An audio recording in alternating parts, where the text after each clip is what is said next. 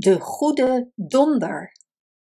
De mensen zeggen dat Raiden, de donder, een liefdeloze, wraakzuchtige geest is die de mensen bang maakt en ze vreed behandelt.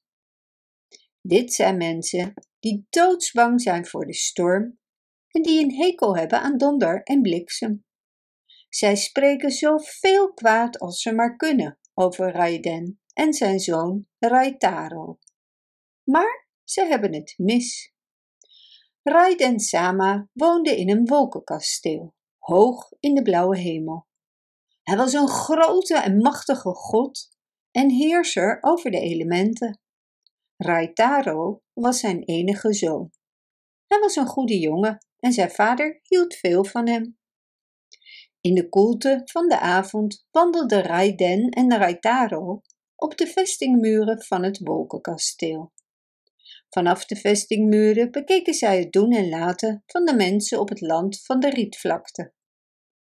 Ze keken naar het noorden en zuiden, oosten en westen. Vaak lachten ze, heel vaak. Soms slaakten ze een diepe zucht. En soms leunde Raitaro ver over de muur heen om de kinderen te zien die op de aarde woonden en speelden. Op een avond zei Raiden Sama tegen Raitaro: Let deze avond goed op het doen en laten van de mensen, mijn kind. Raitaro antwoordde: Ik zal goed opletten, vader.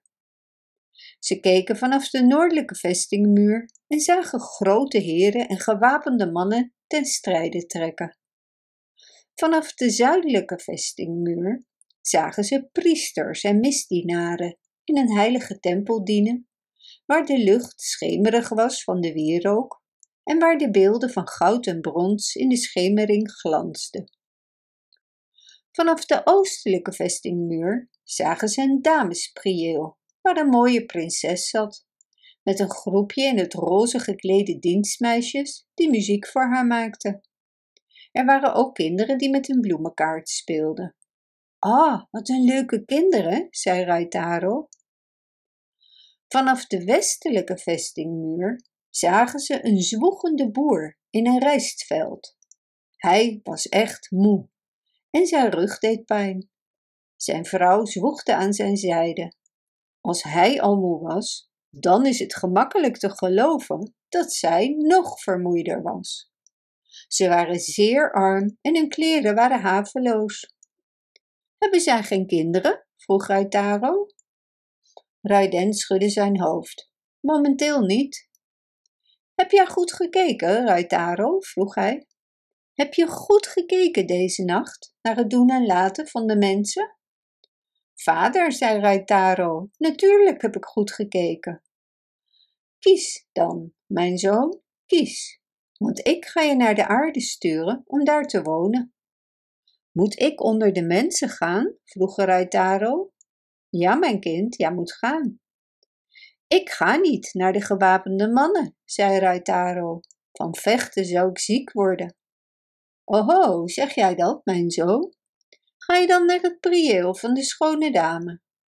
Nee, zei Raitaro. Ik ben immers een man. Ik zal ook mijn hoofd niet laten scheren om bij de priesters te gaan wonen. Wat dan? Kies je dan voor de arme man? Je zult een hard leven hebben met een karig loon. Raitaro. Raitaro zei: Ze hebben geen kinderen. Misschien gaan ze van mij houden. Ga in vrede, zei Raiden Sama, want je hebt een verstandige keuze gemaakt. Hoe zal ik gaan, mijn vader? zei Raitaro. Eervol, zei zijn vader, zoals het een prins van de hoge hemel betaamt. De arme boer was op dat moment bezig op zijn rijstveld te zwoegen. Het rijstveld lag aan de voet van de berg Hakusan in de provincie Ichisen.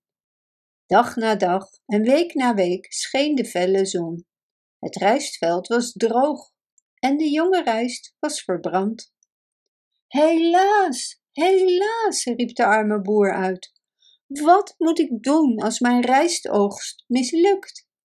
Mogen de dierbare goden genade hebben met alle arme mensen?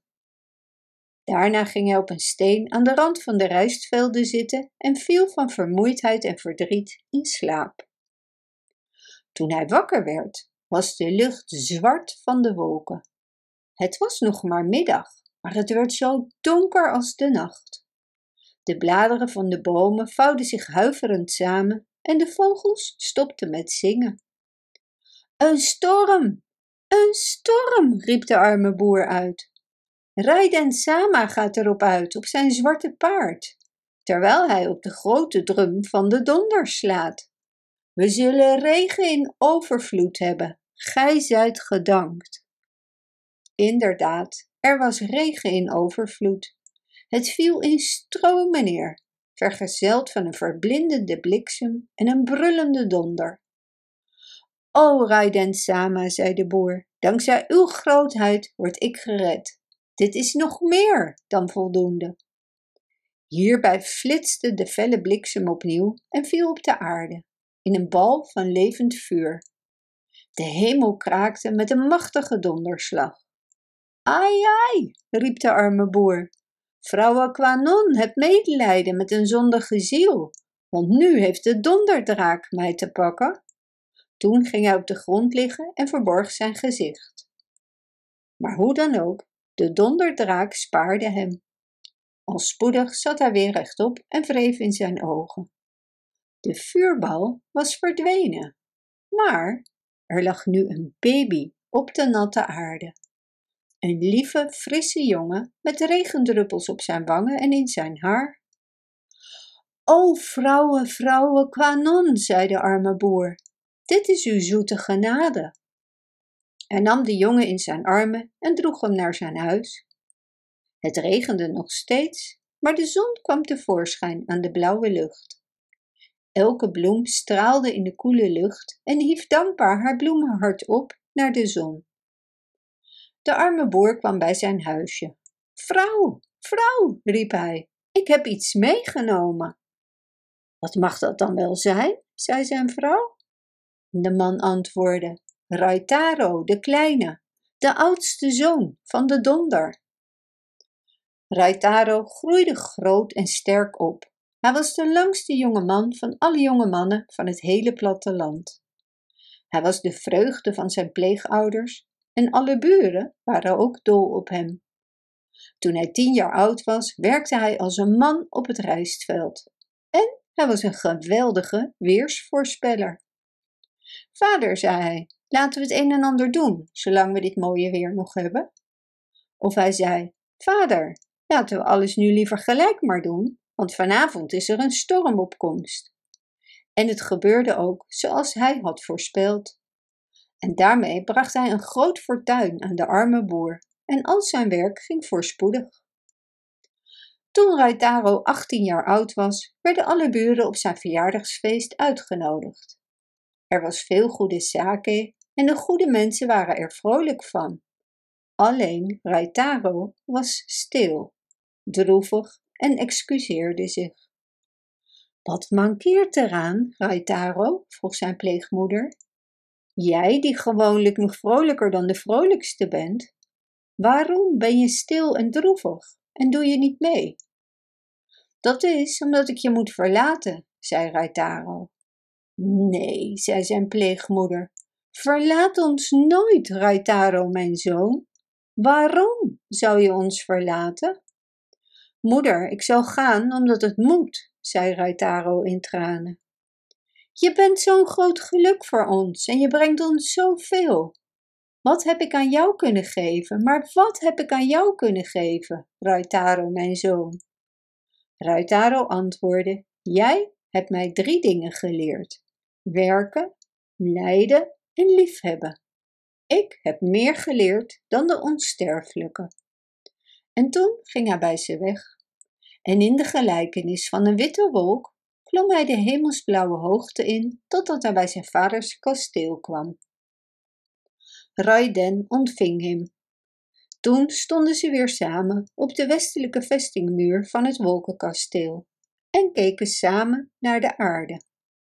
De pleegmoeder huilde bittere tranen, maar haar echtgenoot nam haar bij de hand. Mijn liefste, zei hij, het is niet voor lang. We zullen snel oud worden. Bedankt voor het luisteren. Wist je dat je dit verhaal ook op onze website ridiro.com/nl kunt lezen, downloaden en printen?